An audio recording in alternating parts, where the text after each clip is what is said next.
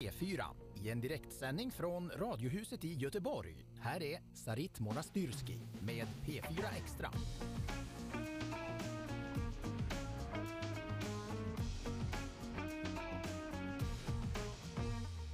Och här ska det strax handla om bränderna i Trollhättan i natt som kan vara hämnd ifrån kriminella. Och hon tycker att spela live, det är som ett samtal. Vi får väl se om vårt samtal här i studion kommer kännas som att spela live. Jag har ingen aning. Linnea Henriksson gästar P4 Extra. Och nu står hon i fokus igen och den här gången så kan den politiska vilden Amine Kakabave avgöra misstroendeförklaringen mot justitieministern. Hon ska naturligtvis få frågan hur hon tänker rösta. Det blir odlingar på månen, inredning med Britta Zackari och så den där supermänniskan Joar Bendjelloul som ju vunnit På spåret och nu också Alla mot alla. Det här hörni är P4 Extra tillsammans med mig Sarit Monastyrski. Det är jättekul att vara tillbaka här i studion igen. Känn dig riktigt varmt välkommen. Här är Rex Orange County i P4 Extra. Every time I open my mouth, I have regrets in my mind. Every time, no one seems to figure me out. I guess it's stress. It's making me feel so depressed. Most my life I felt so tired, but every now and then when I try, I say, keep it up and go on. You're only holding out for what you want. You're no longer owe the strangers.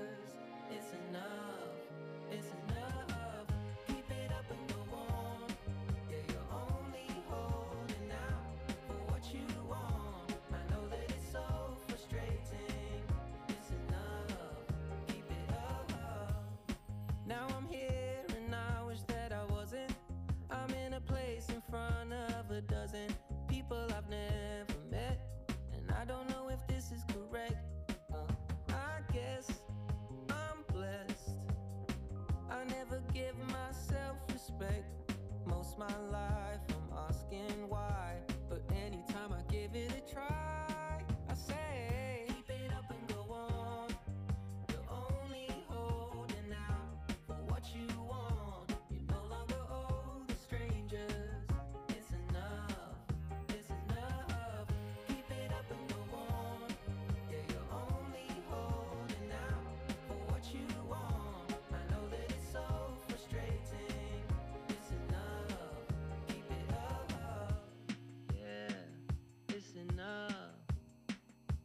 I've really had enough.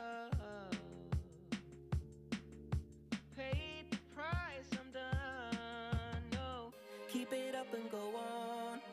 You're only holding out for what you want. You no longer owe the strangers. It's enough. It's enough.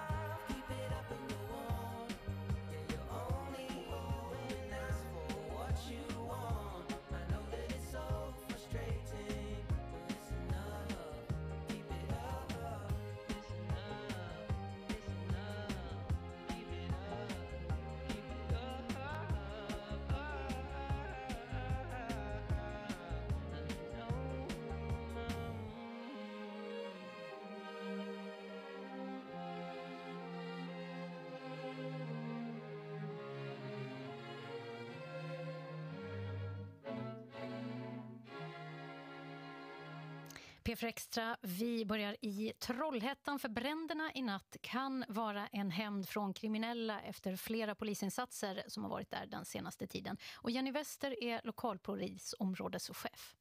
Nej, men det som jag kan konstatera det är ju att eh, vi har ju eh, polisen i Östra Fyrbodal, vi har ju jobbat väldigt aktivt i, eh, mot den kriminella miljön Eh, den senaste tiden och också gjort ingripande mot eh, kriminella aktörer de senaste dagarna. Eh, och det jag vet det är ju att det är ju ett missnöje också bland de här kriminella mot just polisens arbete och att vi sätter tryck. Det säger Jenny Wester, hon är lokalpolisområdeschef i Östra Fyrbodal alltså. Med oss nu har vi P4 Västs reporter Thomas Bader. Hej Thomas! Hallå där! Du, hon pratar här om den här insatsen som polisen har gjort. Vad är det hon menar då? Ja, men hon menar att man har satt tryck mot kriminella miljöer med olika typer av ingripande och hon menar också att eh, polisen fått till sig att det här då har stört den kriminella verksamheten och det har skett både senaste veckan och eh, mer över tid också eh, senaste månaderna som jag förstod, förstod det då.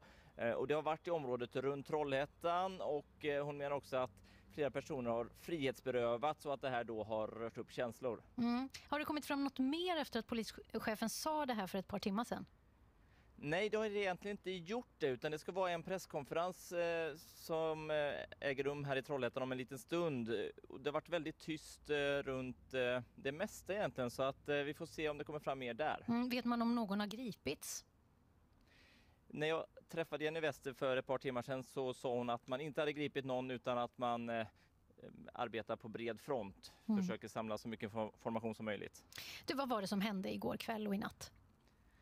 Totalt så har det brunnit på sex platser i Trollhättan igår kväll och under natten och bränderna startade ungefär samtidigt.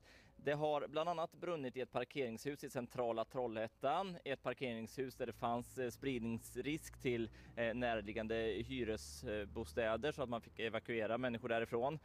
Eh, det har också brunnit i ett obebott radhus. Det var alltså ingen som bodde där Men det här radhuset, jag var där i morse och träffade några av brandmännen som hade hand om eftersläckningsarbetet där och som såg till så att det inte skulle sprida sig för hela den här längan hade då brunnit ner och det var den här brandlukten som verkligen satte sig i näsan och i mina kläder och sådär fortfarande. Så att de var där och kollade så att det inte skulle sprida sig till de andra eh, radhusen där.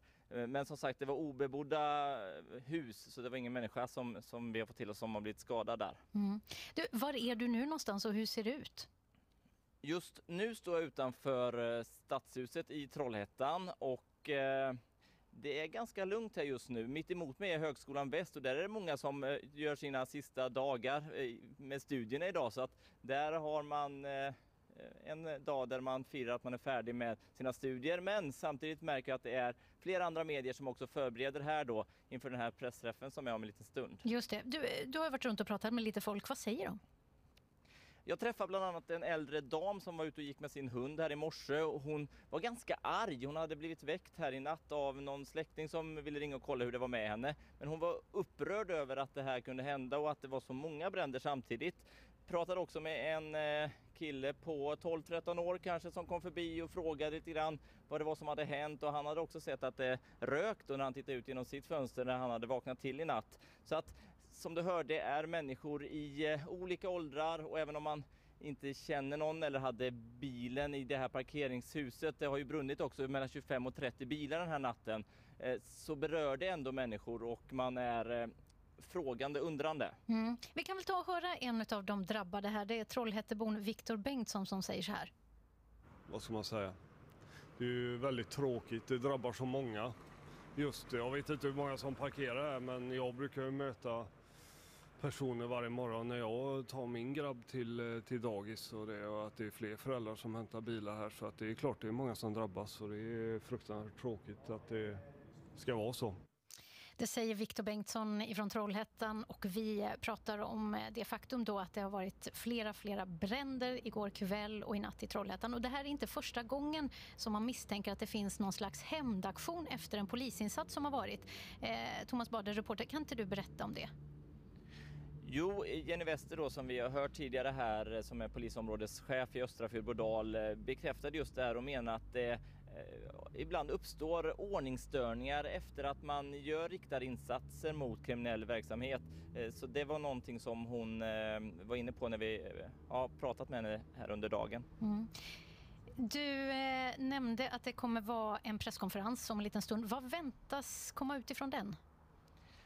Ja, det är ju en väldigt bra fråga. Det är eh, aktörer, det är Trollhättans stad, det är räddningstjänsten och det är polisen som kommer vara med på den här presskonferensen. Eh, och eh, lite grann är det ju intressant att höra mer om man har kommit vidare, hur man jobbar i sitt eh, arbete från polisens sida men också vad staden eh, gör och hur tänker framåt med vilka åtgärder som eh, de kan göra. Så det känns som det finns ganska många frågor som man skulle kunna tänkas och hoppas få svar på när den drar igång här vid eh, halv två. Mm. Och vi återkommer naturligtvis till den här i eh, P4 Extra där vi kan höra då vad kommunen säger om detta. Thomas Bader, reporter på P4 Väst, var med oss här i eh, P4 Extra.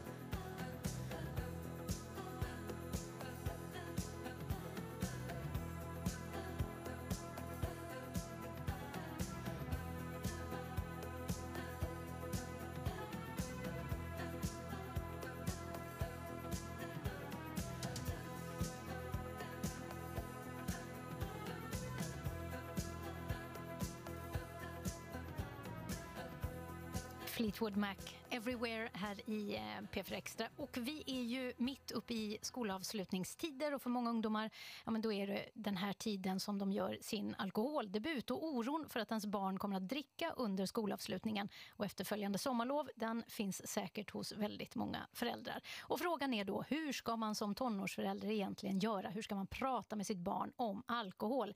Det där ska vi få tips på nu. Karin Hagman är vd på företaget IQ som är ett dotterbolag till Systembolaget och som jobbar med alkoholinformation och för ett smartare förhållningssätt till alkohol. Hallå Karin! Hej, hej! Hej! Och ni har ju precis nyligen gjort en undersökning eh, om vad ungdomar tycker och tror om alkohol. Ni har frågat jättemånga ungdomar. Alltså, vad är det som sticker ut här tycker du?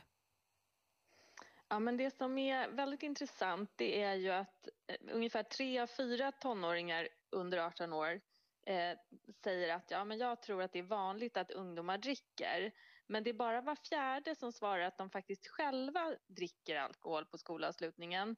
Och eh, det stämmer ganska väl överens med de stora liksom, skolundersökningar som vi gör av ungdomars, eller som, eh, som görs av elevers alkoholvanor där man ser att ungefär fyra av tio nionde klass eh, har druckit senaste året. Mm. Men, Och, men, men kan man eh, tänka sig att de svarar ganska ärligt på det här då, eller? Ja, men jag tror det eftersom att de här stora skolundersökningarna stämmer överens ungefär med, med vad eh, de svarar även i vår undersökning. Så att det är ju inte så vanligt idag att ungdomar på högstadiet eh, dricker alkohol. Men däremot är det tydligt då att man tror att andra gör det. Eh, men en annan sak som jag verkligen också vill lyfta fram, för du sa ju här i början också att många föräldrar undrar hur man ska prata med sina barn och Ja. så vidare. Det är ju verkligen att så här, eh, närmare tre av fyra tonåringar säger så här att de skulle kontakta sina föräldrar om de behövde hjälp, trots att de har druckit alkohol. Så det vi- visar ju liksom på ändå ett förtroende för föräldrar. Och våra tidigare undersökningar har visat att nio av tio tonåringar tycker att det är bra om föräldrarna pratar med dem om alkohol. Som, så som förälder ska man verkligen känna så här, jag ska göra det. Det kommer, de vill det, även om de inte alltid visar det. Nej. Men, men vad ska man säga då, tycker du? Ja, men för det första, mitt första tips det är ju verkligen så här att välj ett tillfälle nu innan skolavslutningen när ni båda är avslappnade. Det fungerar väldigt dåligt att liksom sätta sig på sängkanten och spänna ögonen i sin tonåring och prata om det här. Utan jag brukar till exempel prata med mina tonåringar i bilen när jag kör dem till olika ställen. Och då ska man vara eh, avslappnad och man ska känna att det känns bra mellan er och så ska man vara nyfiken och ställa frågor. Ja, och men här, ge vad mig, ge mig en mening bara. Vad, hur börjar jag det här? Du, jag tänker på det här med alkohol. Eller vad ska jag... Vad, vad säger- Ja. Ja. Men så här, ja, men jag tänker på det här med alkohol och snart är det skolavslutning och du börjar ju bli så himla stor så det här är en viktig fråga. Så här, hur, hur tänker du kring det? Alltså öppna frågor. Få ditt barn att reflektera och tänka själv. Och försök att inte förmana och komma med för många pekpinnar. Alltså det är viktigt som förälder att man är tydlig med vad som gäller. Att, vad man, att man förväntar sig att de kommer hem i tid och sådär. Mm. Men de är ju ganska smarta. De, liksom, de ska lita på sin egen magkänsla. Vad man kan göra är ju att leda dem in på rätt spår. Så här, vad säger du om, om, de kommer och, om, om dina kompisar har köpt ut och kommer med massa sprit? Hur, ska, hur agerar du då? Alltså så kan man fråga. Ah, Så de får tänka själva. Ja, de ska tänka själva, öppna frågor. Alltså, men, men sen tänker jag så här, hur mycket kan liksom föräldrar påverka ungdomarna i den här frågan? Ja, men du påverkar jättemycket. Mycket mer än vad du tror som förälder. Eh, både i ditt eget sätt. Alltså, jag tycker man ska fundera på hur mycket man själv romantiserar alkohol eh, inför sina tonåringar. Åh, vad skönt att det är fredag. Äntligen ska jag få ett, eh, en, ett glas vin. Alltså, fundera lite på, på, på förhållningssättet du själv har. Eh, och sen så tror jag att så här, man ska visa att man bryr sig och att man oroar sig för det här med alkohol och att man gör det utifrån kärlek. Det här är liksom fortfarande ditt lilla barn som du alldeles nyss lämnade på förskolan som står framför dig två meter lång. Alltså börja liksom i känslan av så här kärlek. Så här, Gud, jag, jag blir så himla orolig eller liksom, jag blir nervös. Och hur tänker du kring det här? Få igång samtalet. Mm. Få igång samtalet. Jag, jag tar med mig det. Eh, fundera på Mm. sitt eget förhållningssätt, ställa öppna frågor och låta dem tänka själva och så. Mm. Men, men om det ändå händer då eh, och så kommer de Mm. hem fulla, vad, vad gör man då? Ja, men det första tänker jag så här, att nu har du gjort någonting rätt som förälder. Klappa dig själv på axeln för ditt barn vågar komma hem till dig. Den ligger inte hemma hos en kompis och är, är rädd för att komma hem eller ännu värre så här, ute på stan full och inte vågar gå hem. De kommer hem, det är jättebra. Då ska du ta hand om ditt barn. Du ska inte börja skälla och fråga ut därför att eh, nu gäller det bara att liksom förstärka det här positiva. Så liksom ta hand om ditt barn i den stunden. Hur jäkla arg och orolig du än blir. Eh, och sen dagen efter, ja men då kanske det är dags att säga så här, du kan inte vi gå ut på en promenad och prata om det här som hände igår. Antagligen så skäms din tonåring som en hund därför att det är pinsamt liksom, för dem att det här har hänt. Få dem att berätta, vad var det som hände? Eh, och liksom kanske luska lite i så här också, var fick de tag på den här alkoholen och om det här skulle hända igen, hur skulle jag agera då? Man kan också så här, om de har varit på någon fest hemma hos någon annan, ja men kanske ringa upp några andra föräldrar och prata om det här. Alltså hur gör vi om det här händer igen och så där. Jag tycker själv att jag fått otroligt mycket stöd när jag har ringt upp andra föräldrar. Eh, för alla brottas med de här frågorna. Man är inte ensam alltså? Nej, Nej, verkligen inte. Karin Hagman, VD för företaget IQ. Jag har bara en snabb fråga. För, för du nämnde ju att det, att det har sjunkit. Eh, mm. Alkoholdebuten har ju senare lagts. Alltså, vad, vad, är det, bara helt kort, vad, vad ligger bakom det egentligen? Ja, men det är ju en jättespännande fråga och det är inte bara i Sverige som det är så att tonåringar dricker mindre utan det är en trend man ser i, i princip hela västvärlden och forskarna tittar ju på det nu för det var också en, en trend som man inte kunde förutse. Jag tror att det bland annat kan handla om att det finns en väldigt stark hälsotrend bland unga eh, och att unga idag vill också ha kontroll på ett annat sätt. De är ju rädda för att någon ska lägga ut bilder på dem i sociala kanaler där de inte alltså mm. där de ser berusade ut eller gör bort sig. Eh, och sen ser vi också att unga idag är mer hemma än tidigare generationer och umgås också på andra sätt, över nätet och så vidare. Eh, så man är hemma mer, man tänker mer på, på hälsa och man, eh, man, man, är lite, man har ett större kontrollbehov helt enkelt. Karin Hagman, stort tack för att du kunde vara med oss här i P4 Extra. Vi tar med oss massa bra grejer här nu som vi kan eh, ja, ta upp med våra ungdomar där hemma. tack, tack för att jag fick vara med. Ha det så bra. Hej!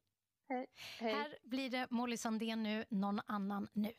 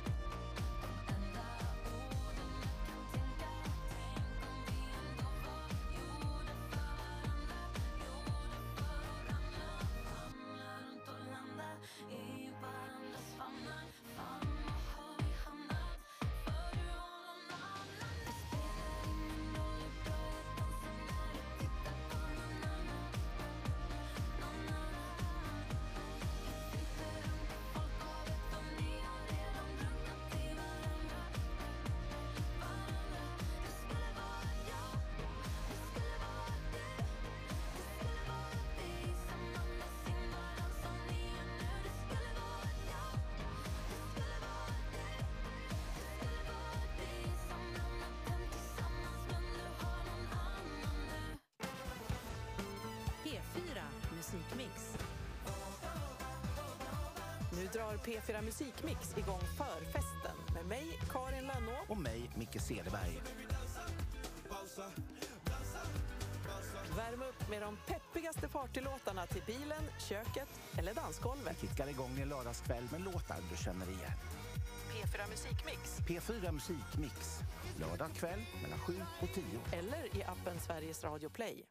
Just det, den där appen är himla bra att ha. Ladda ner den om du inte har den, Sveriges Radio Play. Det här är P4 Extra som du lyssnar på. Och om en stund så ska vi möta artisten, låtskrivaren, poddaren, kanske också bloggaren. Det är säkert något jag har glömt nu. Hon är, ja, men hon är så folklig och härlig. Hon tycker om att spela live och, eh, och gillar också att spela på lite mindre ställen. och sådär. I sommar åker hon ut på turné. Hon har precis släppt en ny singel. Det är Linnea Henriksson som jag pratar med som bara för en liten stund sedan landade i studion. Jag ska prata med henne. Hon är nämligen dagens gäst här i P4 Extra. Och har jag inte helt fel nu så släpptes den där singeln precis vid midnatt i natt så jag tänker fråga henne hur eh, natten egentligen har varit. Före det så ska du få en uppdatering. Det blir nämligen lokala nyheter nu. Varsågoda.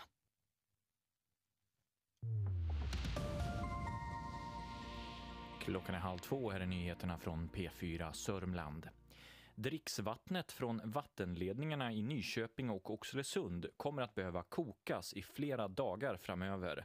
Detta efter den stora vattenläckan i Nyköping natten till igår. Vatten släpps på försiktigt i den ena av de två huvudledningarna eh, igår eftermiddag och då alltså den som inte hade gått sönder. Och nu måste provtagningar göras för att säkra att det inte bildas bakterier som kan orsaka magproblem. Många hushåll i Nyköping och Oxelösund har fått vatten tillbaka i ledningarna men det vattnet behöver alltså kokas om man ska dricka eller använda det till matlagning. Det går att använda vattnet till att spola i toaletterna, duscha och diska men Oxelösunds och Nyköpings kommun uppmanar alla att vara sparsamma med det vatten som finns. Det pågår fortfarande arbete med att laga den andra huvudledningen som gick sönder. Den behövs för att det ska bli fullt tryck i vattenledningarna men det är oklart när den kan vara lagad. Vattentankar finns fortsatt utställda på flera håll i Nyköpings och Oxelösunds kommuner. Det, det vattnet behöver dock inte kokas. Mer information finns på respektive kommuns hemsida. Och efter vattenläckan så har förlossningen på Nyköpings lasarett öppet igen. Det här meddelar Region Sörmland. Viss planerad vård på lasarettet är dock inställd även idag. Förskolor och, förs förskolor och skolor förbereder sig för att öppna igen på tisdag, detta enligt Nyköpings kommun. Vi byter ämne och kan berätta att en varg blev påkörd och dog på väg 55 mellan Röl och Björndammen norr om Malmköping i onsdags förmiddag. Vargen, som var en vuxen hane, har nu förts till Sveriges veterinärmedicinska anstalt för analys enligt Länsstyrelsen. Där hoppas man bland annat kunna få svar på vargens hälsotillstånd och ålder. Enligt Länsstyrelsen är det ovanligt att vargar blir påkörda i Sörmland. Och så vädret. I eftermiddag och även ikväll blir det molnigt och några regnskurar. 13 till 18 grader och en sydvästlig vind. Imorgon lördag blir det soligt men med en del stackmoln. 19 till 22 grader är temperaturen imorgon och vinden mest svag. Det var nyheterna här i P4 Sörmland med Robin Gustafsson i studion. Fler nyheter hittar du alltid i appen Sveriges Radio Play. Nu fortsätter P4 Extra med Sarit Monastyrski. Ja, hon tycker om att spela live. Hon tycker att det är lite som ett samtal. Man vet aldrig vad som händer och vart det tar vägen någonstans. Hon älskar att spela på mindre ställen och eh, hon har inget emot att vara folklig. I sommar så åker hon ut på turné igen och jag är så himla glad att hon har stannat till här på P4 Extra. Först Linnea Henriksson, välkommen. Hej, tack. Du, eh, i, i natt, var det precis vid midnatt som din nya singel släpptes? Ja, exakt. Den skulle liksom ut idag. Jag, man tänker alltid att ja, men imorgon släpper jag en ny singel. Gick jag runt och hojtade. Men det är ju vid midnatt som den dagen officiellt börjar. Så att, men jag, jag ska erkänna att jag, jag satt inte och, och väntade utan jag, jag somnade rätt hårt vid halv elva tror jag. Men du, hur nervös är du? Du har gjort det här några gånger nu. Men, men så tänker jag ändå att det kanske finns en nervositet när man släpper nytt. Ja, men man är ju, alltså man har ju hållit hållit i de här låtarna och är, är ju såklart eh, att man sitter och hoppas att andra ska tycka om dem precis som man själv har gjort. Men jag, jag tycker mest det bara är kul att de är ute. För att, det är lite som du sa, jag älskar ju liksom att spela live och för mig är det det är kul att den här låten är ute så kanske någon känner igen när den startar på konserten. Så egentligen just nu känner jag bara en pepp och så kanske jag är lite mer nervös för så här, oj, kommer det dyka upp någon på spelningen så att jag har någon att spela den för. Ja, men det är väl redan folk som har köpt biljetter så jag, in, jag inbillar mig att det kommer stå massor med folk där på, på din turné. Men du, eh, det är tio år va? Eh, precis, sen din... Eh... Ja, sen, de, sen debutskivan kom. Eh, precis. Ja. Det är det. Mitt album Till mina älskade och älskare släpptes i måndags för exakt tio år sedan. Vilket, ja det är, herregud. Men det är inte så konstigt. Man är ju liksom lite segare i kroppen. Det knakar lite mer. Så det är ju rimligt att det har gått sin tid nu. Ja. Du, ska vi ta och lyssna på, på nya singeln nu då? Jättegärna. Vi lutar oss tillbaka. Här är Som du sa med dagens gäst Linnea Henriksson.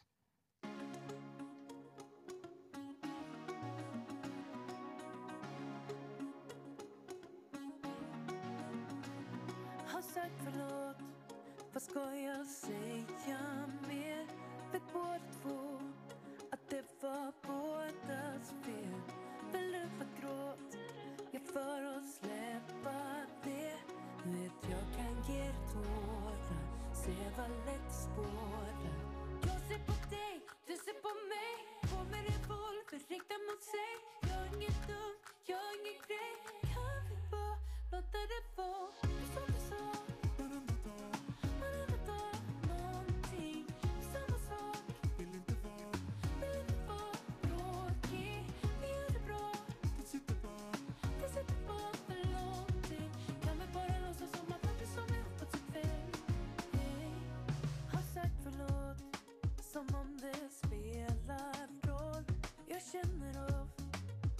Går och tänker.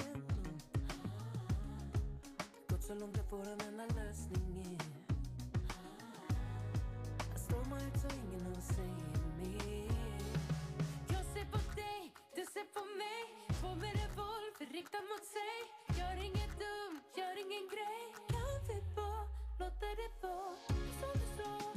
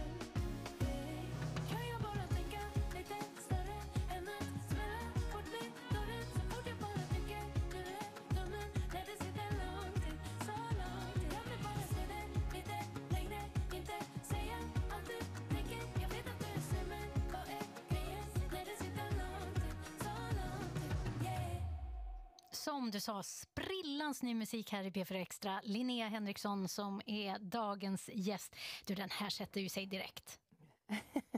ja, men vad härligt att få höra den. Ja, ja hur kändes det? Jo, det känns bra. Jag, jag tycker jättemycket om den. Jag, jag gillar att jag själv glömmer bort vad den handlar om när jag så här, åh vilken trevlig liten gitarr. Ja, Eh, det var lite och diggar med. Ja, för vad men det är ju liksom ett sånt Ja men det är ju lite så här, välkommen till småbarnslivet egentligen. Eh, den här klassiken att när man väl får tid för sig själv eller för varandra så vill man att allting ska vara så bra och så perfekt. Och så blir någonting inte riktigt som det skulle. Liksom, pastan blir överkokt eller man var lite för trött. Och så blir man liksom irriterad över det och sen, sen är liksom tjafset igång. Över att här, det skulle ju bli så bra idag. Och så bråkar man om Mm. att man vill ha det asbra tillsammans. Ja, Ehm, och egentligen borde man väl bara låtsas att allt blev som man hade hoppats. du, vad, är, vad är receptet för att komma ur det där då? Har du något? Ja, Skriva musik om det ja, kanske? exakt. Nej, Ja. nej men eh, ja, att man bara så här, go with the flow tror jag. Alltså för min egen skull så ska jag nog bara... ehm, ja, min taktik har ju varit lite att gå iväg och komma tillbaka och bara, vad håller jag på med? Förlåt. Tror jag. Men, men det är ju det där, eller typ börja sova. Inte ligga och scrolla på sin mobil när man väl har en, en unge som sover. Sov då. Ja, det, det, kanske, det kanske vi alla borde lyssna på, på det rådet oavsett om man har små eller stora barn. Eh, du, eh, ja, vi måste ju bara prata om det som hände i Turin, Eurovision. Du eh, och Edvard af Sillén eh, skulle kommentera Eurovision, men du var inte med där på den första deltävlingen. Ja, men precis. De två, egentligen båda semifinalerna gjorde just det. Edvard eh, själv. Eftersom att när jag kom ner dit så gjorde jag ett eget eh, ett självtest helt enkelt som visade med svagt positivt på covid.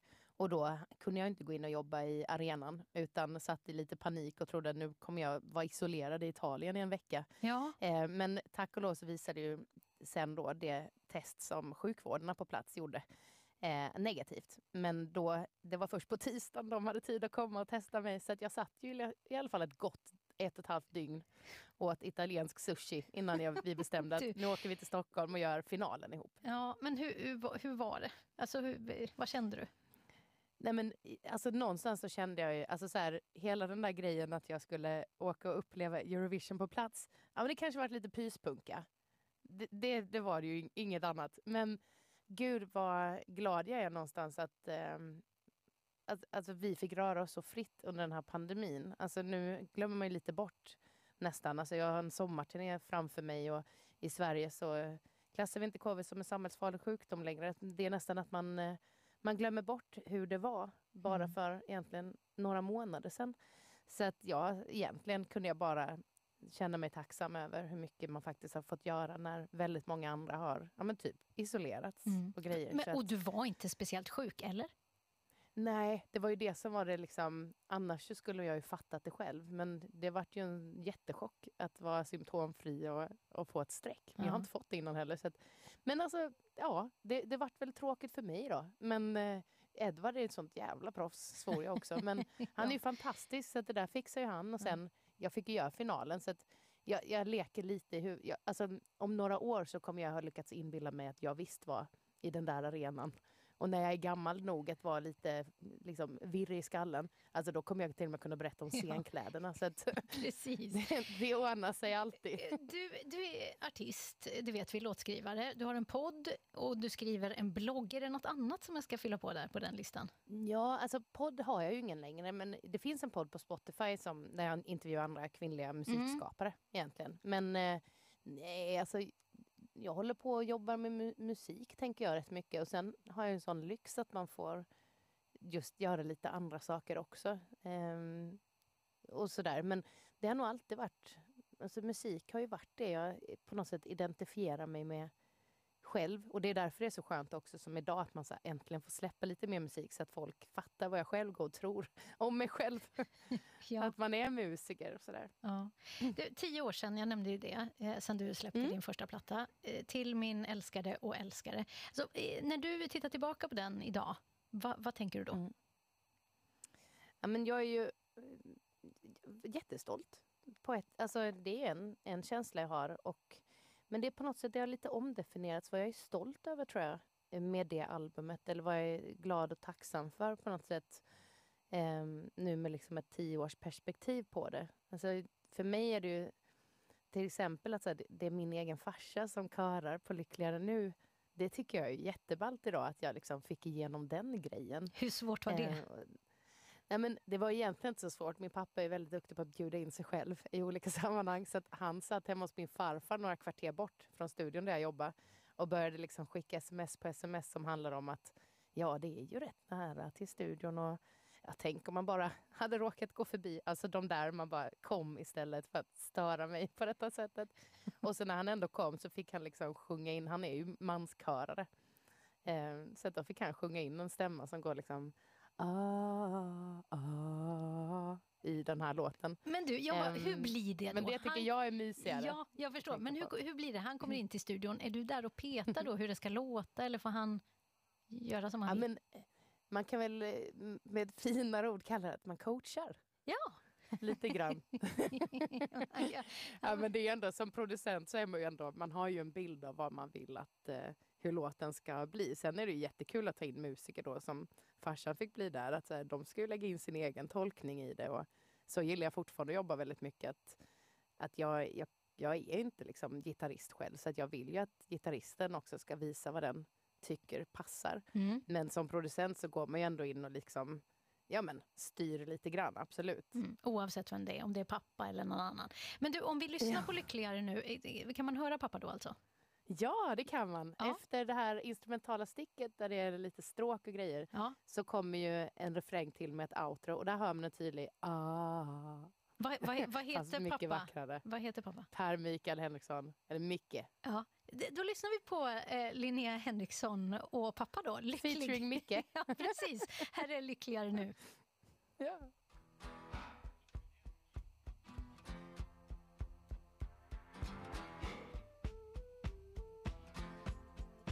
Jag sökte värmen.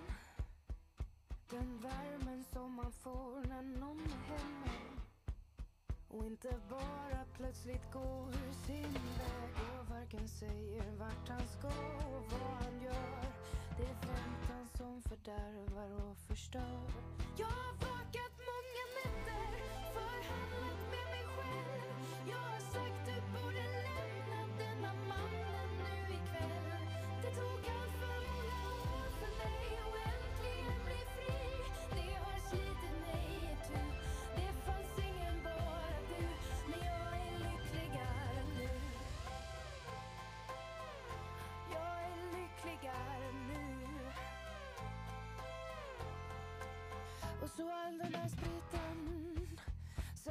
säger att du lätt kan kontrollera jag så hellre att du sett någon annan kvinna som du velat röra någonstans. Då hade jag ändå haft en ärlig chans.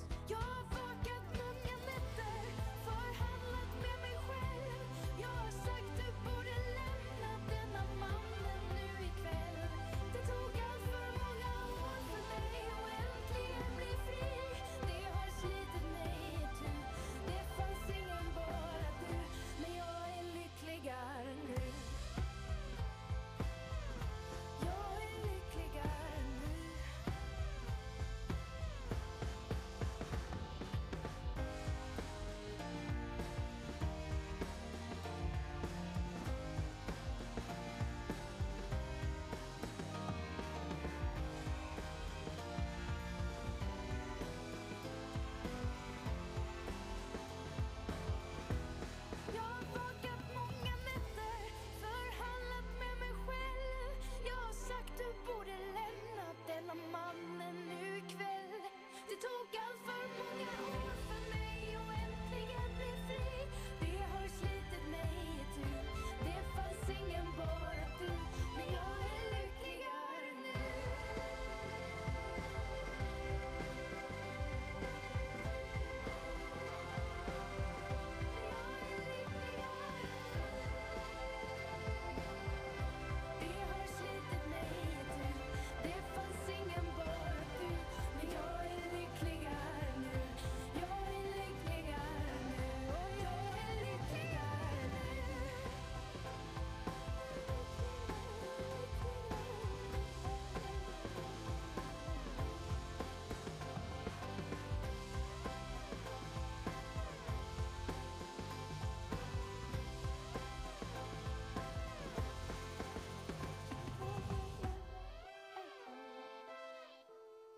Lyckligare nu med Linnea Henriksson här i P4 Extra. Dagens gäst är hon.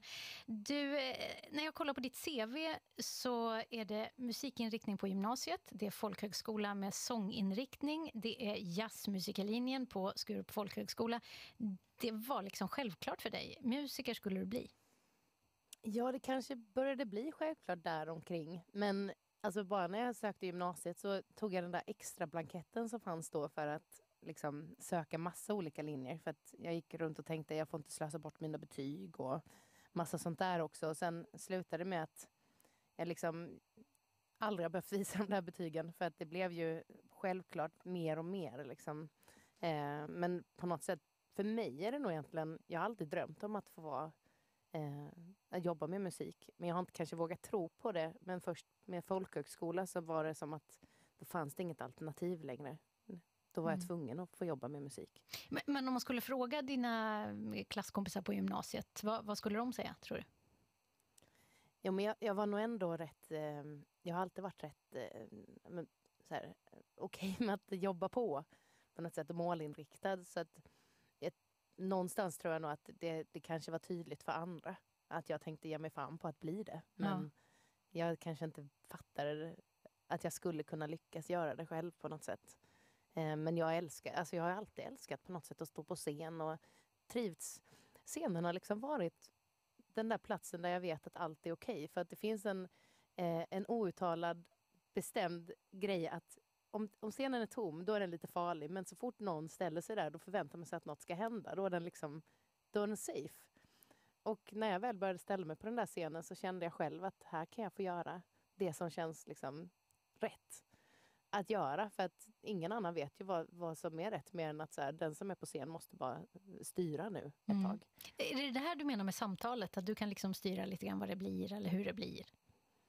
Ja, men alltså med samtal är det nästan tvärtom. Att jag kan ju bestämma mig innan jag går upp på scen vilken typ av, ja, men vilka låtar och att man har lite koll på ungefär hur mycket folk som kan tänkas komma dit. Men sen när man väl börjar sjunga så ser man plötsligt en person som sjunger med eller man får ögonkontakt med någon som man förstår att nu sjunger inte jag mitt liv längre utan nu berättar jag din berättelse. Att det syns liksom i ögonen att det här är någonting vi delar då blir det ju ett samtal som jag inte kan styra över riktigt utan snarare att den reaktionen som jag får av någon annan gör att jag börjar gå ett annat håll på konserten. Mm. Och med vad jag känner är viktigt att Alltså faktiskt få hur, om. hur känns det precis i den stunden när, det, när något sånt händer? Ja, men det, är- det är verkligen det är typ allt för mig. Jag tycker det är helt otroligt och jag kommer alltid tycka att det är det mäktigaste som finns med det här. Att få ja, men, att, att man får vara med i någons liv på det sättet. Vara med och liksom ja, men, ljudsätta vissa tankar eller känslor. Mm. Det är helt, helt otroligt faktiskt. Eh, Det här med improvisation på scen då? Du, eh, det känns som att du, du gillar det och eh, du känns ju väldigt självklar på scen och, och, och sådär. Vad vad- vad känner bandet för det? Jo, men jag, jag tar ju likasinnade som får hänga med mig där. Det är ju många, många av de här jag spelar med är ju folk som jag har gått på folkhögskola med och nu i sommar så har jag lite annat band för att pandemin har gjort att folk har sadlat om och sådär. Men då är de nya musikerna jag tar in är ju också då folkis, folkhögskole, folk som har liksom lirat på samma ställen som jag. Att jag vet att det är lite samma skrot och korn, hela gänget. Så, så de är Så lite det är liksom, det? Ja, men det är lite okej. Men det är också, alltså i just popmusik så finns det ju, ja men man gör lite moderna produktioner som den här nya låten, det är lite samplade röster och då är det ju alltid en sån här fundering på hur vill man att detta ska kännas live då? Hur mycket av de elementen vill man ha med och om man har massa tracks och sånt som man kan ha, att det liksom spelar någon som inte spelar på scen men man har igång lite ljud samtidigt, då blir man plötsligt styrd av det. Mm. Och där kan jag känna då som tycker att det är så kul med improvisation att jag försöker hålla mig borta från sådana liksom element som gör att jag måste liksom, man trycker på play och sen, sen är det bara att åka med. Jag vill ju styra där. Mm. Så att då får man liksom, vissa grejer får man översätta till andra ljud och så. Ja. Du, är, är bandet, eh, gillar de jazz lika mycket som du? Ja men det gör de. det tror jag. Eller alla i alla fall i grunden jazzmusiker. Har det råkat bli. Ja, är det så? Ja, det är så faktiskt. Men jag, alltså jazz var ju mitt sätt att, att, börja utbilda mig. Jag kommer egentligen också från pop och rock först. Ja. Men, eh, men det var ju där jag började leka. Och, och din pappa, leksam din pappa verkar vara en stor del i den här intervjun. Men i alla fall, eh, han har väl en jazzklubb också va? Ja, precis. Men där vill jag faktiskt få säga till alla jazz lovers out there. Det var faktiskt jag som började med jazz i min familj. Ja! Men pappa, pappa kunde inte namedroppa lika bra som jag längre så då ville han då började han också lyssna på jazz. Det känns ju som att jag måste säga här att Micke inte är här och kan försvara sig. Men, men, men, ja, ja, men vad spännande. Så det, det kommer från dig ursprungligen? Ja, eller kanske till och med, ja, men nu kommer mamma bli sur så då säger hon det var faktiskt morfar. Så då får jag säga det var väl faktiskt Ja. morfar som började då. Ja, Men snart, snart kommer hela familjen ha messat mig om allt jag säger fel. Ja, det är helt underbart. Vi har dagens gäst här, Linnea Henriksson, men också mamma, pappa, morfar och alla andra som är med här också lite vid, vid, vid sidan av. Men du, det här med, med att vara folklig då, som jag nämnde, eh, att du gillar Mm. att vara hellre folklig än cool, har du sagt. Vad, vad... Ja, men jag tycker det är coolt att vara folklig. Ja, det är så absolut. roligt ibland. Så delar man liksom upp det där som det är två olika saker. Och egentligen tänker jag att det handlar om underhållning. Man, man vill underhålla på olika sätt eller få, ja men, ja men just sta- starta det där samtalet. Och att vara folklig, det är väl någon slags, alltså för mig typ det finaste bevis på att man har nått till flera. Mm. Att man faktiskt har lyckats, alltså man liksom finns lite i periferin i många, i, i mångas liv.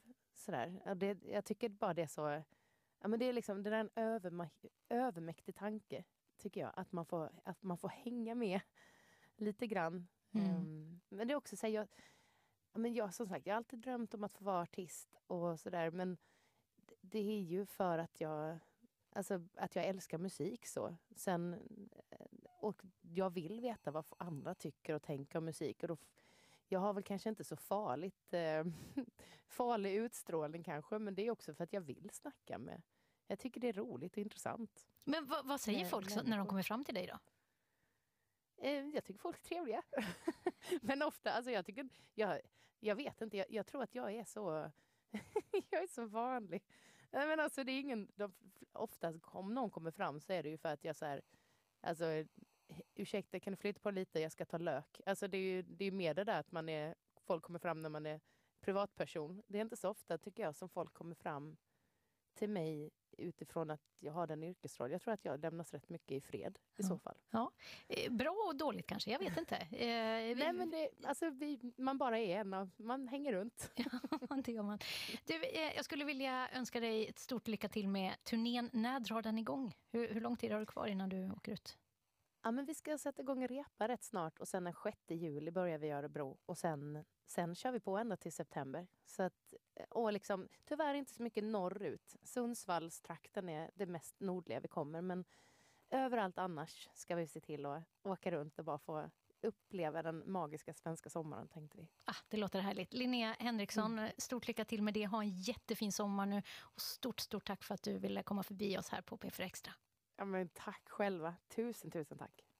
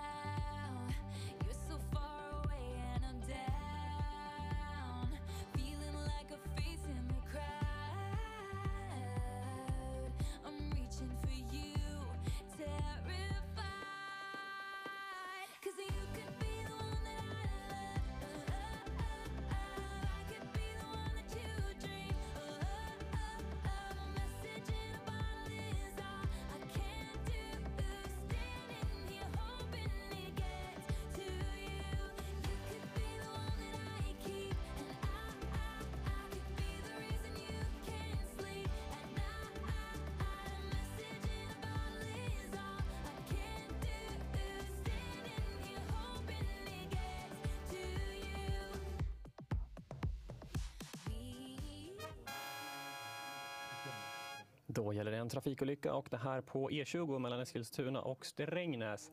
Strax efter trafikplats Härad, avfart 135 i riktning mot Södertälje. Där är höger körfält avstängt på grund av en singelolycka då. E20 alltså mellan Eskilstuna och Strängnäs strax efter Härad i riktning mot Södertälje. Där är höger körfält avstängt på grund av en trafikolycka.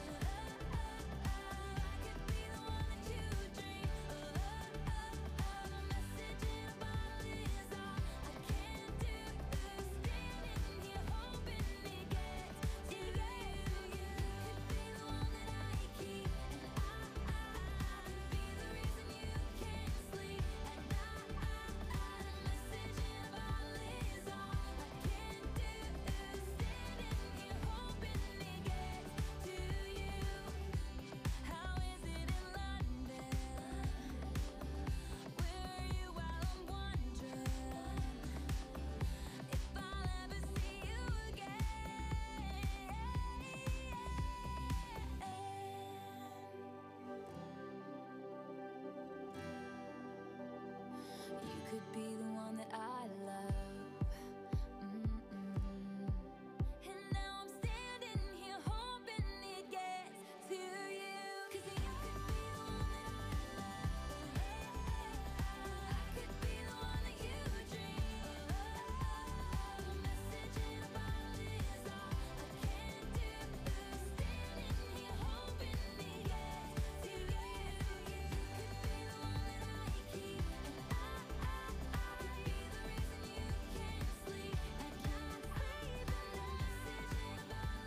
Taylor Swift Message in a Bottle. Ja, Amine Kakabaveh kan avgöra misstroendeförklaringen mot justitieministern.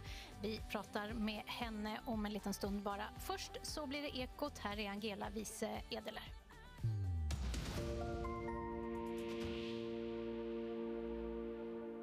Börjar i södra Tyskland. Där har minst en person omkommit och många har skadats i en tågolycka utanför Garmisch-Partenkirchen, rapporterar tyska medier. På bilder från olycksplatsen syns hur minst en vagn från ett regionaltåg har spårat ur och ligger halvvägs ner i ett dike vid spåret. Ett stort, en stor räddningsinsats pågår på platsen. Här i Sverige har polisen fortfarande inte gripit någon efter nattens bränder i Trollhättan där totalt 34 fordon och en radhuslänga brann. På en presskonferens nyss uppgav polisen att det gjorts viktiga framsteg i brottsutredningen under förmiddagen men exakt vad det handlar om vill man inte säga. Jenny Wester är lokalpolisområdeschef.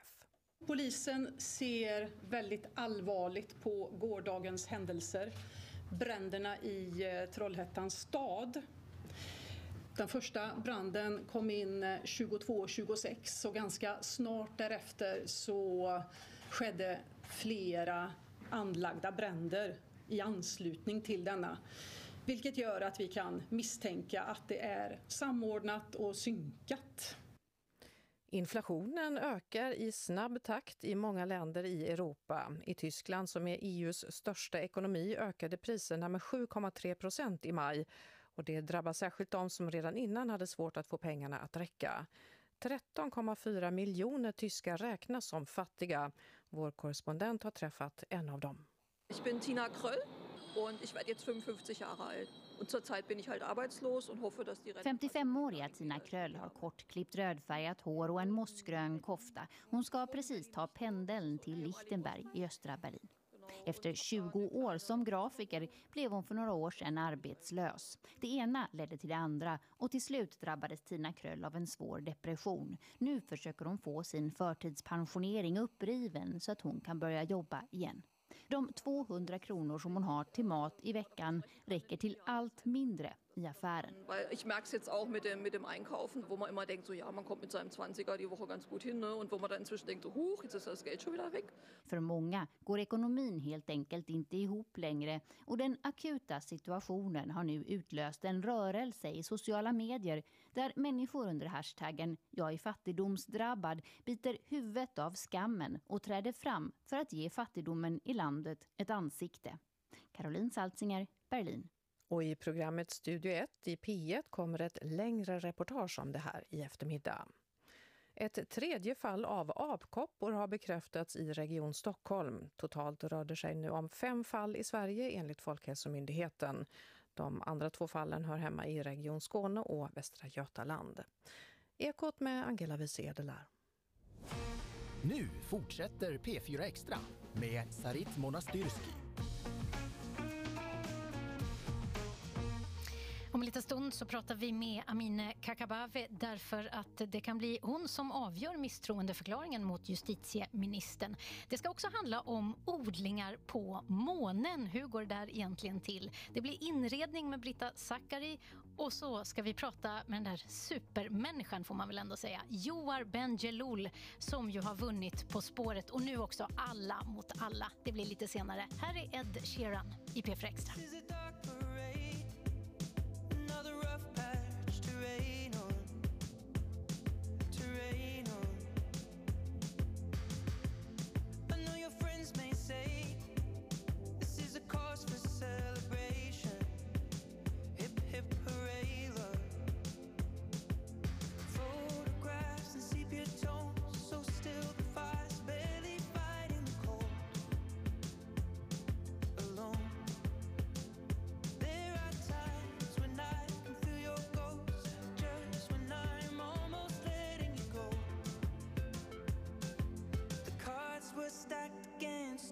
people.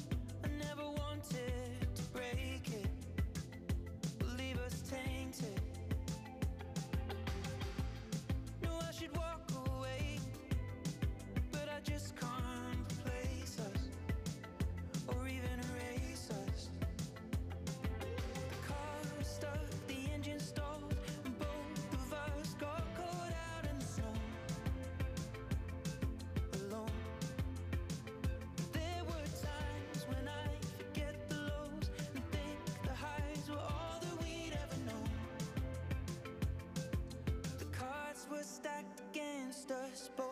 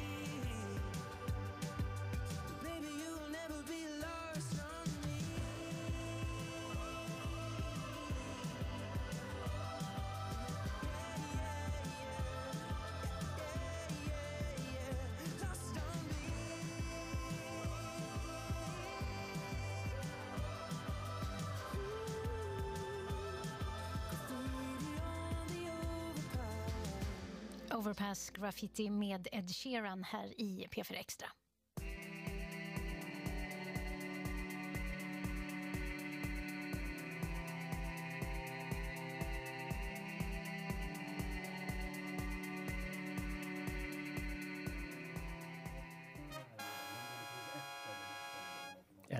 På olyckan på E20 mellan Eskilstuna och Strängnäs.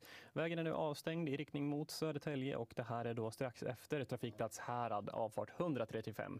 Alltså E20 avstängd eh, strax efter trafikplats Härad i riktning mot Södertälje mellan Eskilstuna och Strängnäs på grund av en trafikolycka.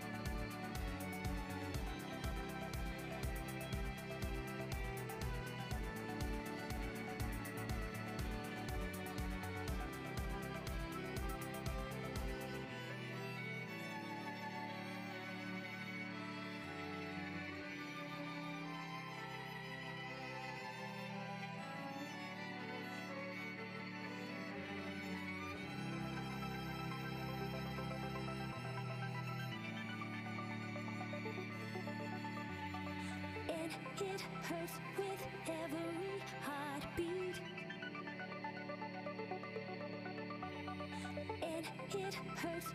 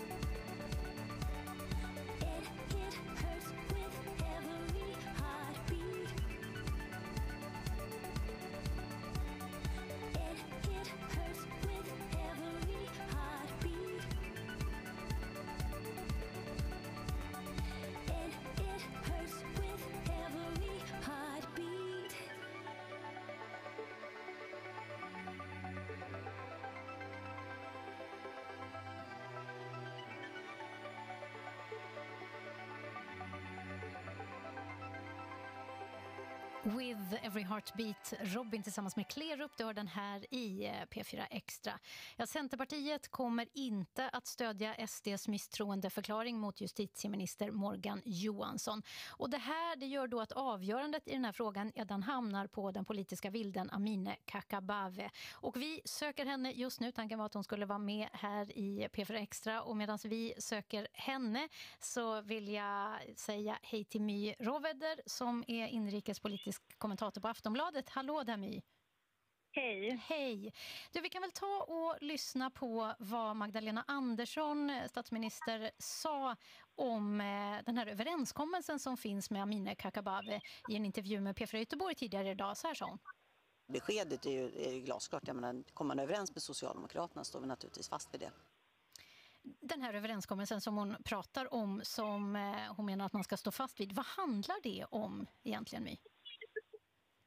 Ja, men det handlar om att man inför att man skulle välja Magdalena Andersson som statsminister i höstas kom överens om att stärka det kurdiska självstyret i Syrien och att personer som flyr därifrån och kommer till Sverige som har haft samröre med den det kurdiska samstyret inte ska, ska eh, stämplas som terrorister i Sverige när de kommer hit. Och det här har egentligen ingenting med, med den här misstroendeförklaringen mot justitieminister Morgan Johansson. Så hur hänger det här ihop? Men det har ingenting med det att göra förutom då att Amineh Kakabaveh menar att det här är ju anledningen till att hon ens stödjer en socialdemokratisk regering. Och Magdalena Andersson har ju också sagt att hon kommer att avgå ifall Morgan Johansson blir fälld i den här misstroendeomröstningen.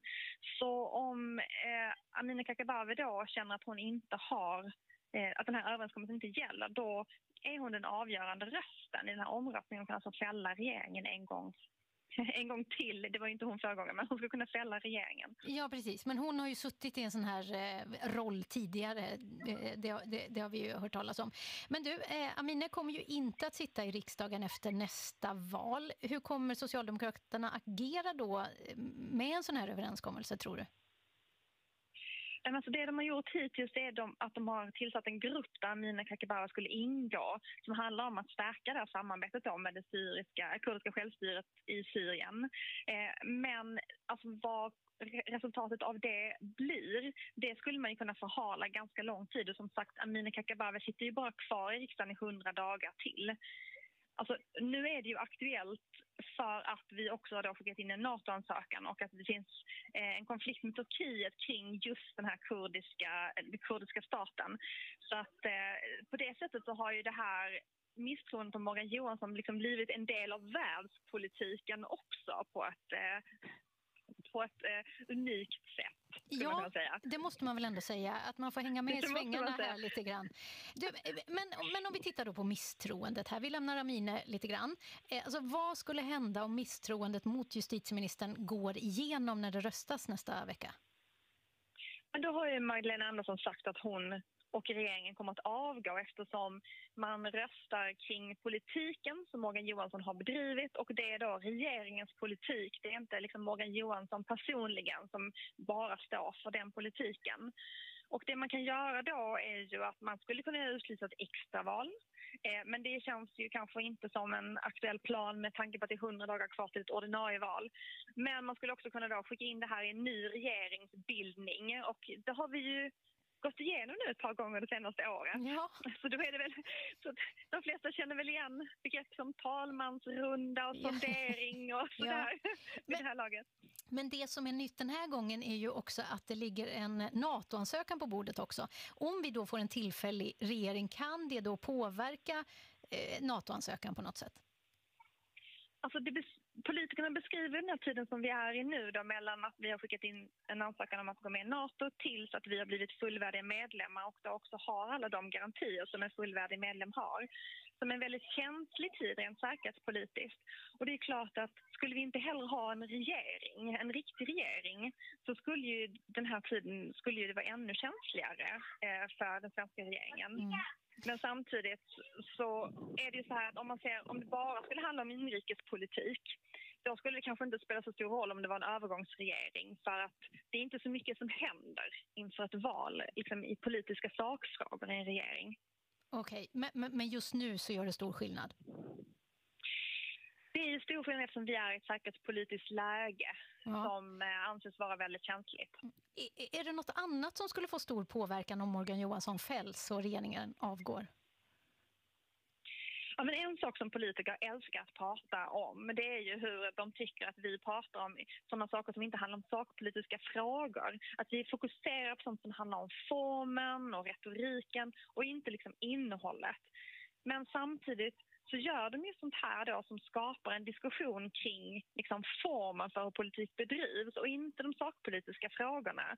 Så i en valrörelse så är det ju ändå de sakpolitiska frågorna som är de viktiga och det finns ju en risk att det här tar fokus från det. Det gör ju det redan. Vi pratar ju om det här nu istället för att prata om olika typer av sakpolitiska förslag. Mm. Du, eh, på tisdag så hålls ju den här omröstningen. V vad tror vi om den? Ja, man ska aldrig gissa i förväg. Man kan ju alltid ha fel. Nej, men jag har... Om jag måste betta skulle jag väl ändå säga att han inte blir fälld. Det ligger så mycket i det här ändå. Eh, att eh, skapa politisk turbulens så nära ett val. Och det finns ju ändå en möjlighet, om man är väldigt missnöjd så finns det ändå en möjlighet att rösta bort den här regeringen eh, och Morgan Johansson också då i valet om 100 dagar. Eh, Men vi, jag vet inte, när en sån här boll är i rullning är den ju omöjlig att stoppa.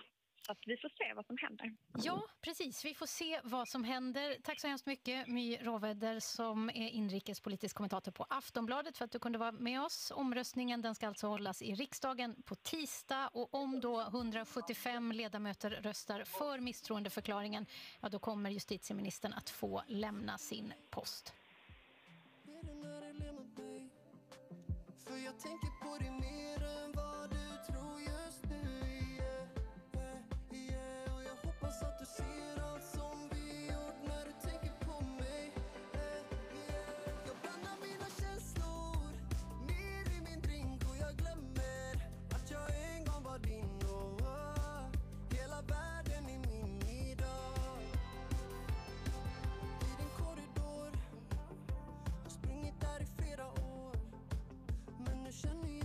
slår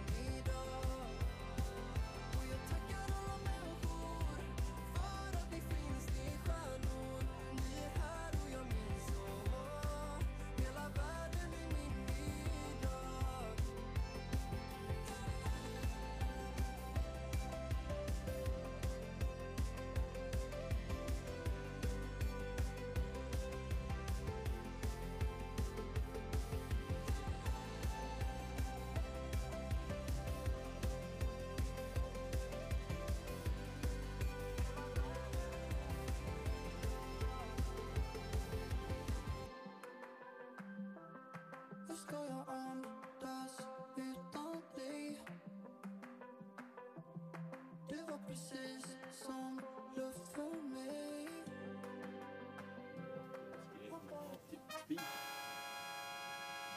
Då gäller det E4 mellan Nyköping och Södertälje strax efter Lästringe i riktning mot Södertälje. Där är det en buss som har fått någon form av haveri och står i vägrenen. Eh, de som har suttit på bussen har dessutom gått av då så att det är en hel del människor som rör sig där i närheten av vägen. E20 Eskilstuna-Strängnäs, där är vägen fortsatt eh, avstängd i riktning mot Södertälje. Eh, nej, förlåt, höger körfält är avstängt så ett körfält öppet då. Eh, e E20 Eskilstuna-Strängnäs i riktning mot Södertälje strax efter trafikplats Härad.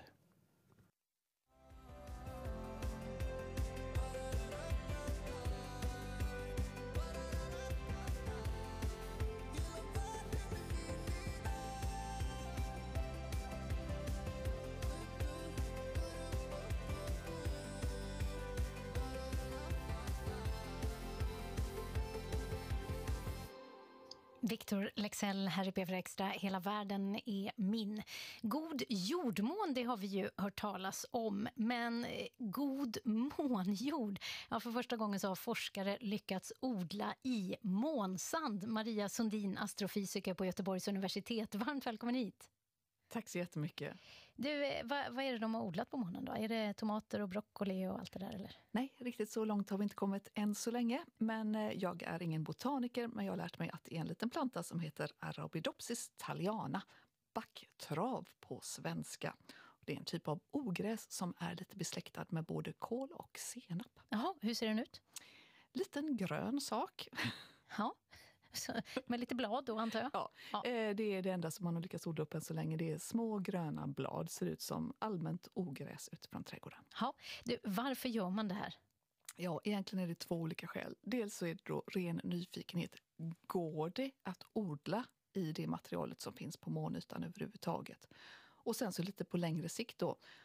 Om vi nu tror att människorna kommer att återvända till månen igen, vilket faktiskt är på gång, man ska bygga månbaser och annat där, kan man odla maten på plats så att man inte behöver släppa med sig allt från jorden, vilket är krångligt och dyrt. Så att kan odlingarna hjälpa oss i framtiden? Mm. Du, var det lyckosamt det här? Alltså, kom det upp något? Ja, det var det. För att bara efter två dygn så började det komma. De började gro överhuvudtaget, de här sakerna. Och jag får säga det då att det är ytterst små material, alltså det är små teskedar av eh, månsand som man odlar i. För att vi har släppt hem 342 kilo månsand, men den är ju alltså från då eh, 69 till 72, det är över 50 år sedan som man släpper hem det. Så att det finns inte så mycket material och man vårdar det mycket ömt. Så det här är första gången man har fått lov att använda detta för att odla i. Oh, Men wow. eh, ja, så att det var ju då inte på månen man odlade, utan i labb här. Du, eh, och nu ser jag för framför mig då, eh, månytan har man ju sett på bilder och, Mm. och sådär. Den är ju eh, lite gråvit, den lyser lite sådär. Mm. Hur ser den här sanden ut på samma sätt? Eh, Den här sanden som man har tagit hem den ser ganska så mörk ut. Och Det är väl framförallt på grund av att det är små korn och vi inte ser den att den reflekterar ljus på samma sätt som de stora ytorna gör på månen. Men det är också så att man har alltså plockat eh, små prov från sex olika platser på månen. Så att, eh, men den, den ser ut som lite, det ser ut som nästan jord, men det finns ju då inget biologiskt material i den överhuvudtaget. Du, hur mycket jubel var det hos forskarna när, det här, eh, när de här små, små plantorna lyckades ta sig? Ja, det måste ha varit alldeles, alldeles underbart förstås. För Det är, ju, det är jättekul att se någonting som växer överhuvudtaget. Det är ju någonting i oss tror jag som eh, njuter av det och se att det faktiskt blev så. För man hade ju då riktig månsand och sen så hade man gjort simulerad månsand som man trodde liknade den väldigt mycket men som var från typ eh, vulkanisk aska här på jorden. Så Men det Mm. skulle vara samma typer av korn och storlek och sammansättning. Men det blev ganska olika resultat. Men Mm. stort jubel. Ja, vad roligt. Vad blir nästa steg nu? Är det en stor odling på, på månen som man ser framför sig? Ja, först så får man nog titta lite grann på vad blev skillnaden. För att eh, det här som faktiskt odlades då i månjorden, även om det faktiskt grodde och växte, så blev det lite mindre plantor.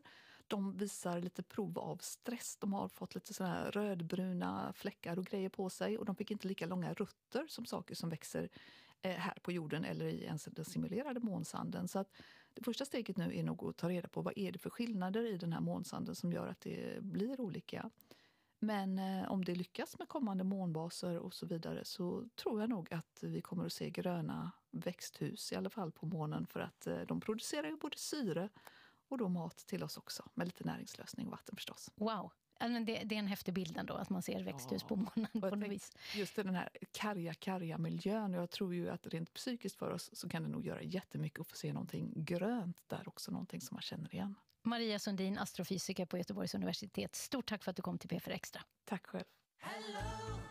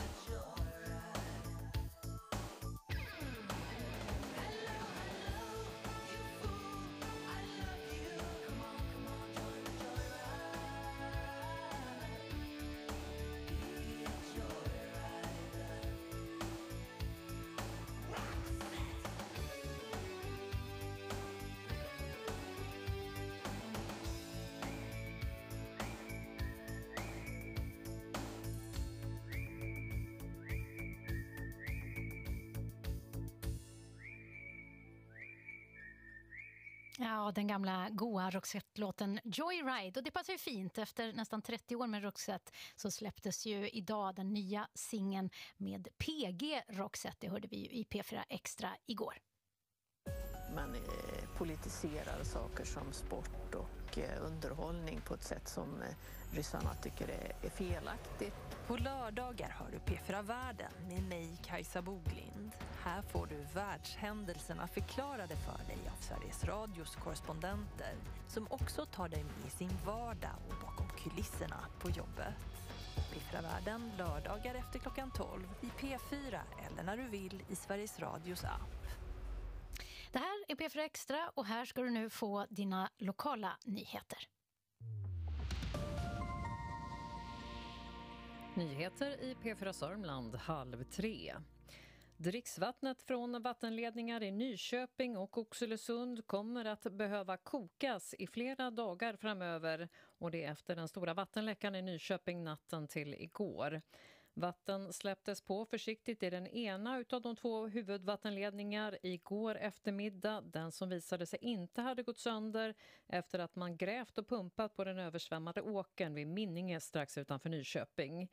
Nu måste provtagningar göras för att säkra att det inte bildats bakterier som kan orsaka magproblem. Och det kommer att ta några dagar, det här enligt Kent Nyman som är divisionschef vid Nyköpings kommun. Många hushåll i Nyköping och Oxelösund har fått vatten tillbaka i ledningarna men det vattnet behöver alltså kokas om man ska dricka eller använda det till matlagning.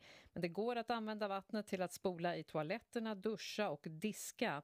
Men Oxelösunds och Nyköpings kommuner uppmanar alla att vara sparsamma med det vattnet som finns. Det pågår fortfarande arbete med att laga den andra huvudvattenledningen, den som gick sönder. Den behövs för att det ska bli fullt tryck i vattenledningarna och det är oklart när den kan vara lagad enligt kommunen. Vattentankar finns utställda på flera håll i Nyköpings och Oxelösunds kommuner och det vattnet behöver inte kokas. Mer information om läget det hittar du på kommunernas hemsidor. Och efter den här vattenläckan så har förlossningen på Nyköpings lasarett öppnat igen idag, det meddelar Region Sörmland. Viss planerad vård på lasarettet är inställd även idag. Och förskolor och skolor förbereder sig för att öppna igen på tisdag, det här enligt Nyköpings kommun. En varg blev påkörd och dog på väg 55 mellan Röl och Björndammen norr om Malmköping och det är onsdags förmiddag.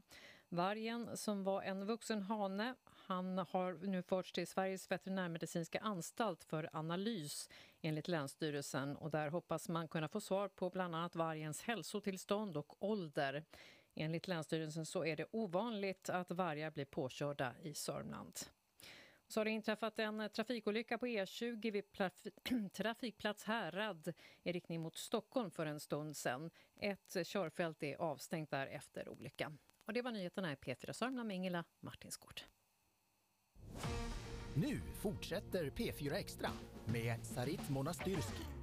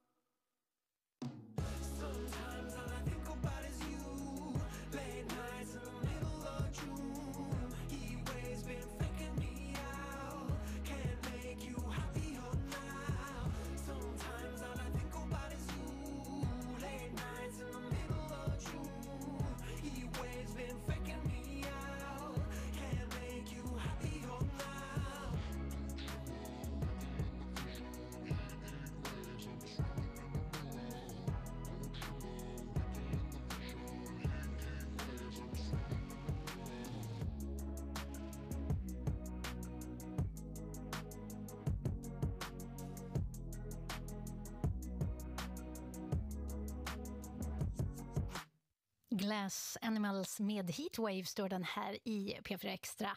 Änglar, krukväxter och skinnsoffor. Nu ska vi hem till dig. Eller ja, nästan i alla fall. Vi ska snacka inredning. Det ska vi göra med Britta Zackari som precis startat en podd om just detta tillsammans med Kakan Hermansson. Hallå Britta! Hej! Hej! På logen just nu hörde jag. Jag är på logen och håller på ah, skruvar, skruvar lite, fixar lite. Ja, blir det bra, tycker du? Eh, Det blir otroligt bra. Jag är Ja. väldigt nöjd just nu. Ja, Det blir inte alltid det, men det är inte så noga. Nej, vad bra. Men du, Ofult hemma heter podden och eh, ni vill på något sätt förändra sättet att se på inredning, men hur då, funderade jag på. Ja, men alltså, det finns så många olika delar i det här och jag vill gärna göra det enkelt för folk att fatta. Men det, dels är det ju att inredning är så stort intresse för folk. Eh, alltså det finns ju en massa olika communities där folk lägger upp bilder på sina hem och jag märker ju det som bloggare på L att så fort jag visar minsta lilla skymt av mitt hem så är intresset skyhögt. Men samtidigt så är det inte så många kvinnor som vågar fixa egna grejer i hemmet. Eh, Så det vill jag gärna prata om och en av de kvinnorna är ju Kakan Hermansson som typ aldrig skulle skruva upp en hylla. Men så är hon konstnär och gör, alltså hon kan ju göra helt sjuka krukor. i- Alltså keramik är hennes verktyg. Ja. Och så kan hon liksom inte ens tänka sig att hon själv kan, inte vet jag, kakla. Nej. Och det tycker vi känns ganska kul att prata om vad det är som gör Alltså hur mycket är liksom psyke och hur mycket är att man faktiskt har tummen mitt i handen. Men sen blir det nog mest ganska mycket prat också om så här, hur har folk råd att renovera? Ja. Och är det så här hållbart att kasta ut ett kök som är så här tre år gammalt för att sätta in ett nytt gediget i trä som håller i hundra år fast det kostar ju asmycket pengar. Det har ju Mm. folk inte råd med. Men, Alltså jag, jag, jag, bara, jag bara känner när, när det handlar om inredning att man, alltså jag själv känner mig aldrig rätt. Alltså jag ligger ju väldigt långt efter. När jag tycker någonting är fint då är det liksom över på något sätt. Men vem spelar, det någon, ja, men vem spelar det roll för? Om du trivs i ditt eget hem. Ja. Det här är jättekul. Det här kommer vi också prata om. Ja. Alltså vad är, det som, vad är det som krävs i ens hem för att man ska känna sig hemma och, och må bra där? Är det, är det att det är fint för andra? Eller är det att det är mysigt? Eller är det att det liksom är inte vet jag, så här, doftar gott. Sådana saker är ju också... Både jag och Kakan har lite svårt att typ ha städat hemma, även fast det är typ min högsta dröm. Det är ju väldigt lätt att känna skam ja. kring att det är så här, alltså så här lerigt och typ... eh, Just nu har mina hundar en så här hårfällningsperiod. Ja, Ehm, och eh, sen har ju vi också jobb som gör att det kanske kommer så ett, ett team hem och ska plåta inredningsbilder samtidigt som, inte vet jag, en hund har börjat löpa. Det är verkligen kaos ibland. Men där tänker Så vi vill väl också Men ta bort skammen. Jag något sätt. förstår, men på en bondgård känns ju det lite mer fine än en lägenhet i stan. Kanske lite tuffare då. Eh, det känns på något sätt som att det ingår lite grann, så det var lite så här smårörigt och lite grusigt överallt. Men du, Ja, det är närmre för leran att ta sig in. ja, men det här med, med genus och klassperspektiv då, för det ska ni också ta upp. Ja, men alltså jag tror att vi båda också eh, kommer från att vi tycker att det där med att så här, bry sig jättemycket om att ha eh, perfekt hemma, att det är lite av en kvinnofälla. Eh, alltså det, är så, det är så lätt att det blir så här, ännu en arena där vi är otillräckliga. Eh, så samtidigt som vi liksom vill vidga vad det kan vara att vara nöjd med sitt hem att, att det kanske inte behöver vara perfekt men man vill ju ändå trivas. Det finns ju någonting där.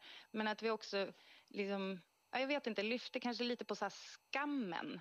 Ehm, men, men samtidigt, vi, alltså, vi sitter ju verkligen inte på svaren nu utan det här är ju någonting som vi kommer att utreda tillsammans. Och jag och Kakan kommer ju från ganska olika håll också. Där jag kommer från en fixarfamilj eh, och, och hon ja, hon skulle ju typ aldrig köpa en kopia av en möbel. Alltså, det, det görs ju väldigt mycket kopior nu som är lite billigare och jag tycker Mm. kanske att det är kul att det är så här demokratiskt, att fler kan ha råd med snygg design. Men det där kommer vi verkligen Ja, gräva ner oss.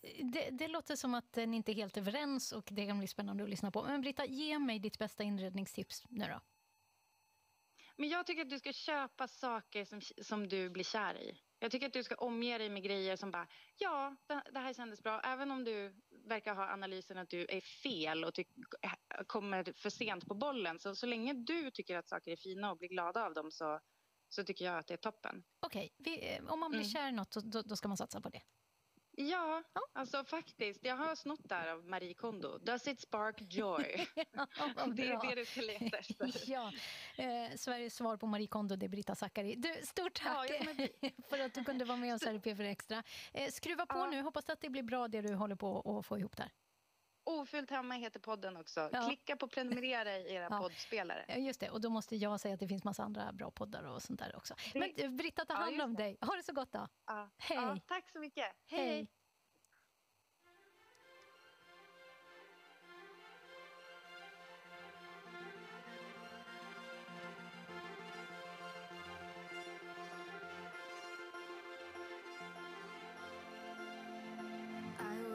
Your story die.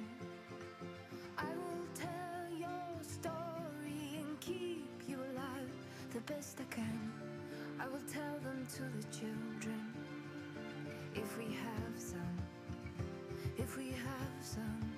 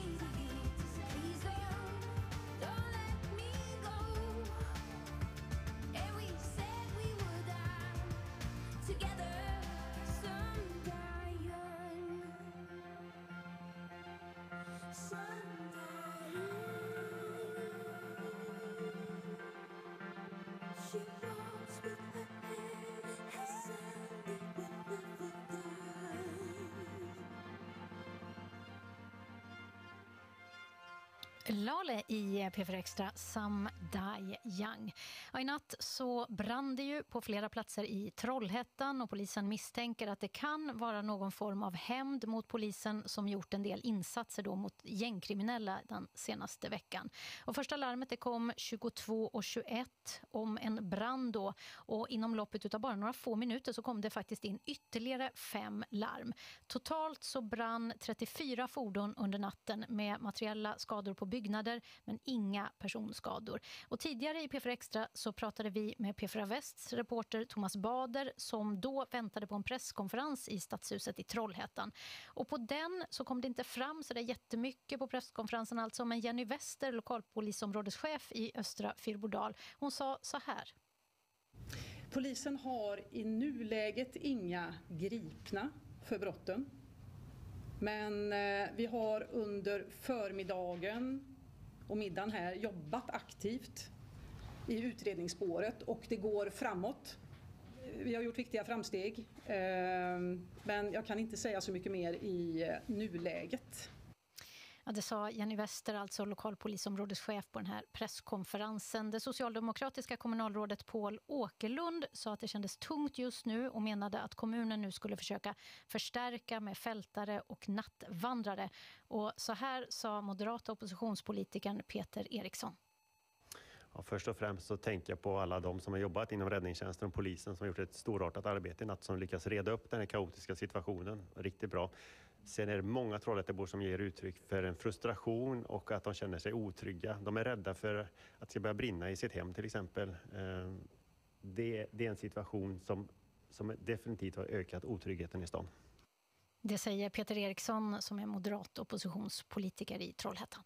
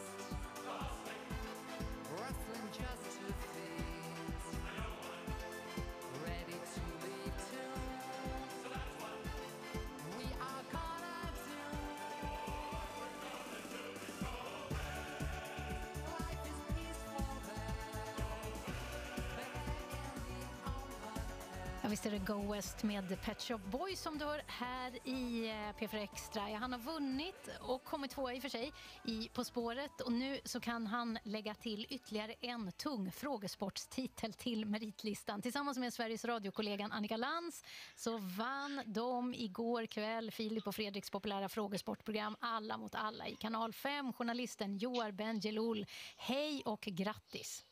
Tack så mycket, hej! Hej! Du, hur mycket betyder det här då? Nej men det är ju Ja, men det är väl så att man blir på gott humör. Har en Ja. bra känsla när jag vaknar imorgon. Det är väl det det betyder. Ja. Just så här, ge lite glädje Ja. över att tänka tillbaka på detta. Eh, Ni två vann ju i finalen över Anna Kinberg Batra och David Batra med 47-43. Eh, de, de hade ju ledningen hela tiden. Alltså, hur väntat var det här? Nej, det var väl inte särskilt väntat. De var stentuffa motståndare. Eh, det var, vi, vi ledde ju hela tiden. Eh, men det, var- de var liksom hack i häl oavbrutet. Så eh, jag skulle inte alls säga att det var väntat. Nej. Sen, Men roligt. Ja, det förstår jag. Eh, du, det här avgörande momentet, då, den så kallade pingpongmomentet. Eh, där man då, det. ena laget ska säga ett namn och det andra kontrar med ett annat tills någon inte kommer på då. Och i det här fallet så skulle ju ni bolla namn på finansministrar. Och där hade ni ju då en tidigare partiledare som motståndare och som dessutom varit ekonomisk politisk talesperson. Ja, men precis. Alltså, om man tittar på oss fyra som satt i burarna där, då var det liksom bara en som faktiskt på riktigt hade kunnat bli finansminister och det var ju inte David Batra. Nej. Så då kändes det som att vi startade i uppförsbacke lite grann. Ja. Men jag jobbar ju också med politik sådär. Ja, det gör du ju. P1. Ja, det är sant. Du har ju full koll på det naturligtvis. Men du, eh, du har vunnit På spåret med, med Josefin Johansson. Eh, och, och kom tvåa också. Alltså, varför är du så bra på frågesport? Hur kommer du ihåg allting? Ja, men jag tror att det handlar väldigt mycket faktiskt om mitt yrke. Det vet ju du som journalist. Ja, men eh, I det- här aktualitetsprogram så... Ja, men det fastnar ju liksom inte eh, så länge här. Det är det. Det gör inte det? Nej. Nej, okej. Nej. Nej, men det nej, jag vet inte vad det beror på riktigt. Det faktiskt, jag brukar komma ihåg det jag har läst av någon anledning. Gud vad härligt det låter. väl, eh, det får man väl kalla tur kanske. Kanske det eller skicklighet. Du, Ja. hur har ni firat du och Annika till sist? Ja, vi har ju faktiskt inte firat alls. Nej, men vad säger Men du? vi, ska, vi har sagt att vi Nej. Sagt att vi ska... Vi har firat med att skicka lite glada sms till varandra och sådär. Men sen ska vi ta en riktigt härlig bricklunch i personalmatsalen i Radiohuset.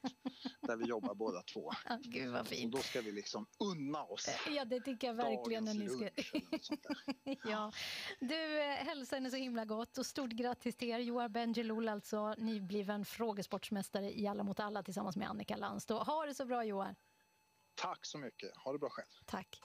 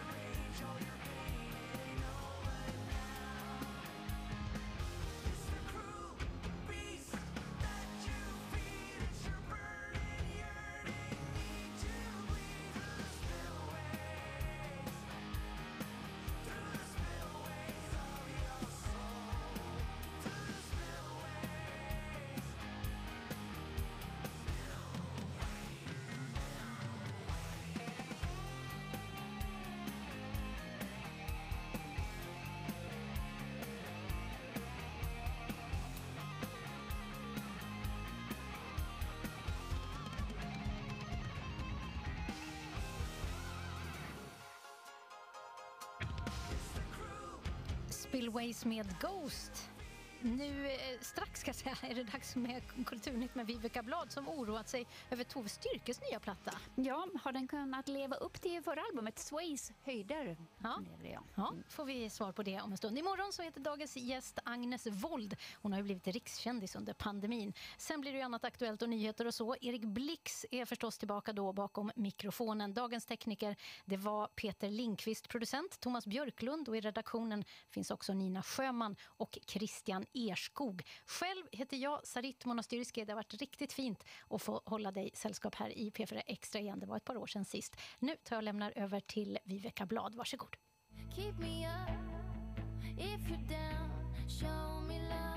Ja, en av otaliga artister som harvat sig genom Idol är Umeås Tove Styrke. Men medan många deltagare glömts bort så har trean från 2009 tagit stora kliv ut i världen. Inför nya albumet Hard så har Tove Styrke pratat om att musiken blivit mindre putsad och det oroade mig när jag började lyssna. But it's you, you. Om det är något som har fått mig att börja gilla perfektionspop som glittrar, svävar och pulserar så är det Tove Styrkes förra album Sway. Men min rädsla är obefogad, för inget här är sjabbigt eller obekvämt. Inte ens pianoblinkningarna till obehags-tv-serien Succession rispar utan blir en hymn till åtrån och lusten. Så kanske är det låttexterna som har fått bli mer spontana med sina svindlande kärleksförklaringar.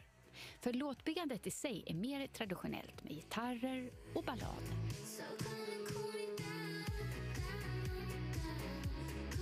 Medan Sway gav en känsla av ett underbart svanhopp in i det oväntade så har Hard planat ut. Det är fortfarande stensäkra poplåtar men jag hoppas att skivan blir ett avstamp mot nya höjder. Ja, och Tove Styrkes album får tre av fem betyg av mig. Efter rekord, svenskt rekord i Kickstarter så har nu Varan TV 20 år efter starten fullbordat säsong 3 i SVT. Medlemmen Magnus Thomsson berättar att i november så vet gruppen hur populärt programmet blev. Men gruppen har fått blodad tand att göra mer. Man kan göra podcast, man kan skriva bok, man kan turnera och allt sånt där. Men som grupp så hoppas jag personligen att vi eh, får göra mer, för vi fick mer smak. Mm, reporter Kristoffer Johansson på P4 Skaraborg. Ja, och eh, så sent som i veckan så lades det ut annonser på internet där personer sålde Bruce Springsteen-biljetter för 5 000 kronor styck. Och just de här höga priserna det sticker i ögonen på både arrangörer och publik. Men från och med 1 september så blir det enligt lag förbjudet att med hjälp av digitala bottar eller datorprogram köpa stora mängder biljetter för att sälja dem vidare i kommersiellt syfte. Det rapporterar Dagens Nyheter. De här nya reglerna de har tagits fram gemensamt på EU-nivå look so tired. Hallå där! Svante Ekberg på plats eh, i er eh, radio den här eh, fredagseftermiddagen fredags eftermiddagen den 3 juni. P4 Sörmland är kanalen ni lyssnar på den här fredagseftermiddagen. fredags eftermiddagen. Klockan är 15.00, då blir det Ekonyheter. Sen, sen ska vi ha en eftermiddag tillsammans. Det blir trevligt.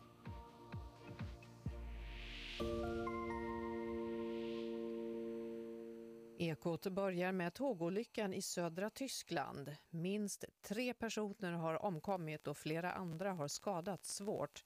Vår Tysklands korrespondent Caroline Salsinger är med nu. Caroline, vad vet man så här långt om olyckan? Ja, det här skedde strax norr om Garmisch-Partenkirchen i södra Bayern vid lunchtid strax efter klockan 12, klockan 12.19 för att vara exakt. Eh, och det var alltså ett regionaltåg då som på väg mot München som spårade ur. Eh, det som är känt är som du sa minst tre döda, 16 svårt skadade, ytterligare ett